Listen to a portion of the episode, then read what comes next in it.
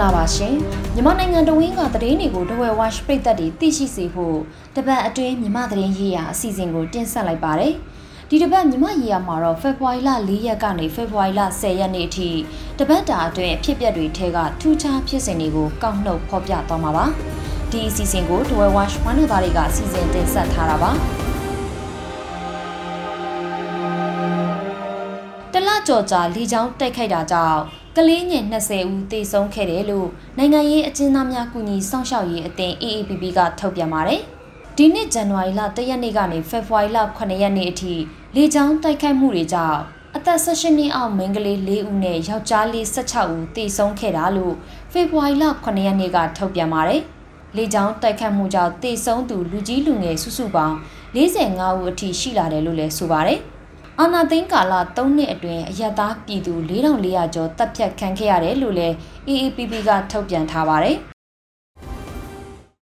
တိုက်ပွဲတွေပြင်းထန်နေတဲ့ရခိုင်ပြည်နယ်မှာမြို့ငါးမြို့ကိုရခိုင်တပ်တော် AA ကသိမ်းယူလိုက်ပြီးစစ်သည်မော်3စင်းကိုတိုက်ခိုက်နှိမ့်မြုပ်လိုက်တယ်လို့ဆိုပါတယ်။ရခိုင်ပြည်နယ်နန်းဆိုင်ခဲ့တဲ့ရှေးဟောင်းမြို့မြောက်ဦးအပါအဝင်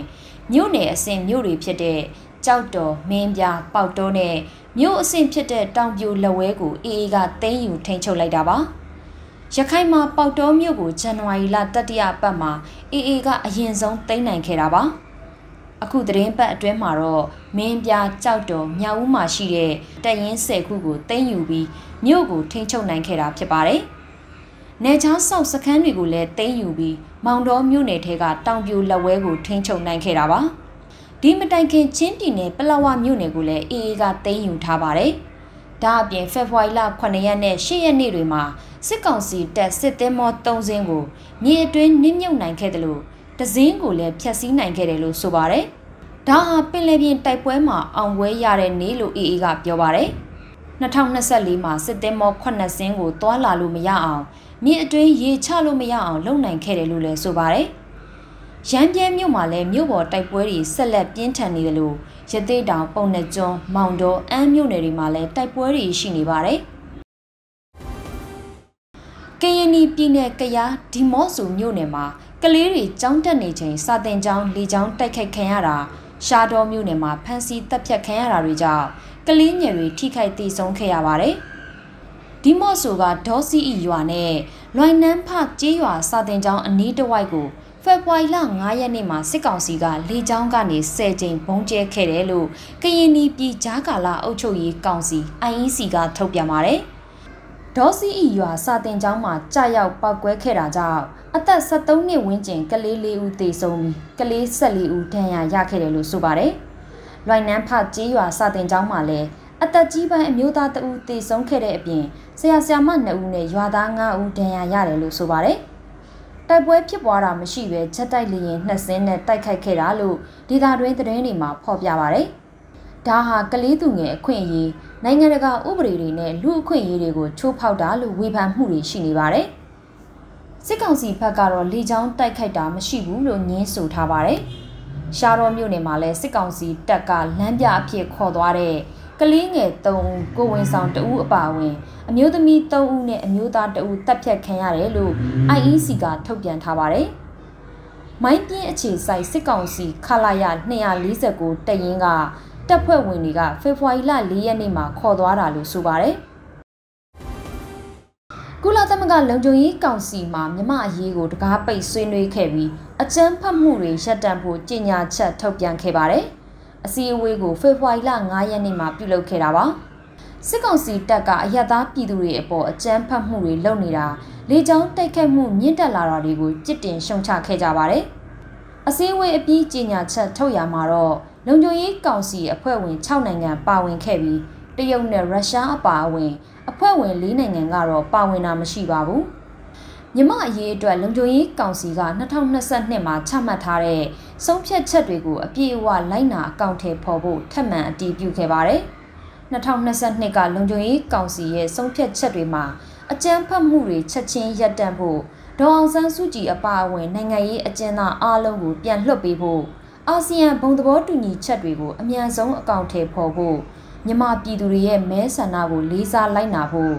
လူအခွင့်အရေးလိုက်နာဖို့ လူသားချင်းစာနာမှုအကူအညီတွေကိုအကန့်အသတ်မရှိခွင့်ပြုပေးဖို့စတဲ့အချက်တွေပါဝင်ပါတယ်။ကုလအထွေထွေအတွင်းရေးမှူးချုပ်ရဲ့မြန်မာနိုင်ငံဆိုင်ရာအထူးကိုယ်စားလှယ်အများဆုံးခန့်အပ်ဖို့လည်းတိုက်တွန်းခဲ့ကြပါတယ်။တကားပိတ်အစည်းအဝေးကိုမြန်မာအရေးအာဆီယံအထူးတန်တမန်တစ်လည်းတက်ရောက်ခဲ့ပါတယ်။ကုလရဲ့မြန်မာတန်အမတ်ကြီးဦးကျော်မိုးထွန်းကတော့ဆုံးဖြတ်ချက်တွေကိုမလိုက်နာတဲ့စစ်တပ်ကိုအရေးယူဖို့အတွက်ဆုံးဖြတ်ချက်တွေချမှတ်ဖို့တိုက်တွန်းခဲ့ပါတယ်။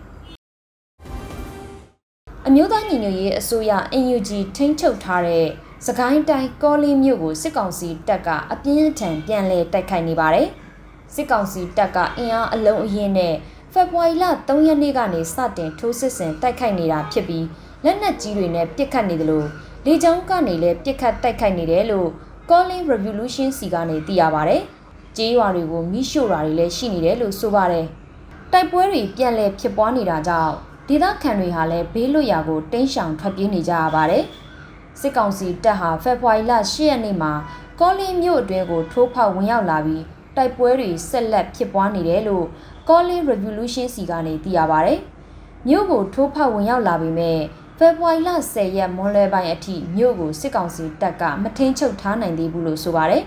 ။ကချင်တပ် KIA နဲ့ပြည်သူ့ကာကွယ်ရေးတပ်တွေဟာ ကောလီမြို့ကို2023နိုဝင်ဘာလ6ရက်နေ့မှာတည်ယူခဲ့ပါတယ်။အဲဒီနောက်ဒီဇင်ဘာလ3ရက်နေ့မှာ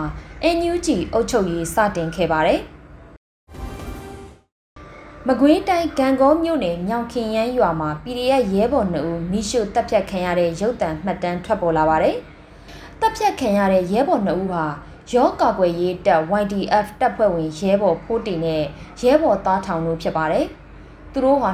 2023ခုနှစ်နိုဝင်ဘာလ9ရက်နေ့မှာစစ်ကောင်စီတပ်နဲ့ပြူစောထီစခန်းကိုတွားရောက်တိုက်ခိုက်ရာမှာဖမ်းဆီးခံရတာလို့ YDF ကထုတ်ပြန်ထားပါတယ်။ရဲဘော်နှုတ်ကိုညှဉ်းပန်းနှိပ်စက်ခဲ့တဲ့အပြင်အရှင်လက်လက်မီးရှို့တပ်ဖြတ်ခဲ့တာဖြစ်ပြီးတော့ရွာကတအိမ်တယောက်ကိုလာကြည့်ခိုင်းတယ်လို့ YDF ကဆိုပါတယ်။အဲ့ဒီလိုတပ်ဖြတ်တဲ့ရုပ်တံမှတ်တမ်းဟာဖေဖော်ဝါရီလ6ရက်နေ့မှာလူမှုကွန်ရက်ပေါ်ပြန့်နှံ့လာတာဖြစ်ပါတယ်။ ရဲဘော်ဖိုးတီကအဝေးတင်ပထမနှစ်ចောင်းသားဖြစ်ပြီးတော့ရဲဘော်သားထောင်ကဆယ်တန်းကျောင်းသားဖြစ်ပါတယ်။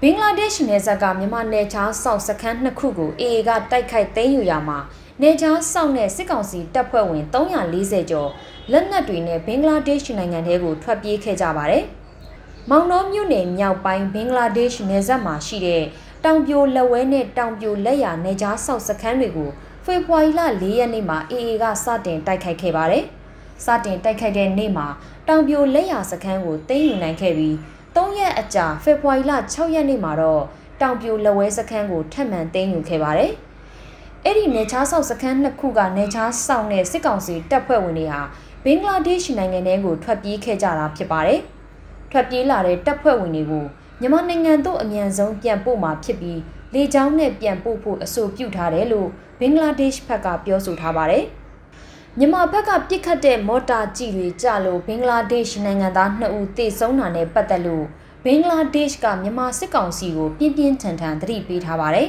။ပလဝဒေတာကတိုက်ပွဲတွေမှာလည်းစစ်ကောင်စီတပ်ဖွဲ့ဝင်ယာနဲ့ချီဟာအိန္ဒိယနိုင်ငံထဲကိုထွက်ပြေးခဲ့ကြပါတယ်။ ပရိသတ်ပေါင်းတို့ကိုရောစိတ်ပါကျမ်းမာချမ်းသာကြပါစေ။ကပ်ဘေးအမျိုးမျိုးကနေအမြန်ဆုံးလွတ်မြောက်ပါစေလို့ The Well Watch ဝိုင်းတော်သားတွေကစုမုံကောင်းတောင်းအပ်ပါတယ်။နောက်တစ်ပတ်မှာလည်းမြမသတင်းကြီးရာအစီအစဉ်ကိုဆက်လက်စောင့်မျှော်ကြည့်ရှုနားဆင်ကြပါအောင်ရှင်။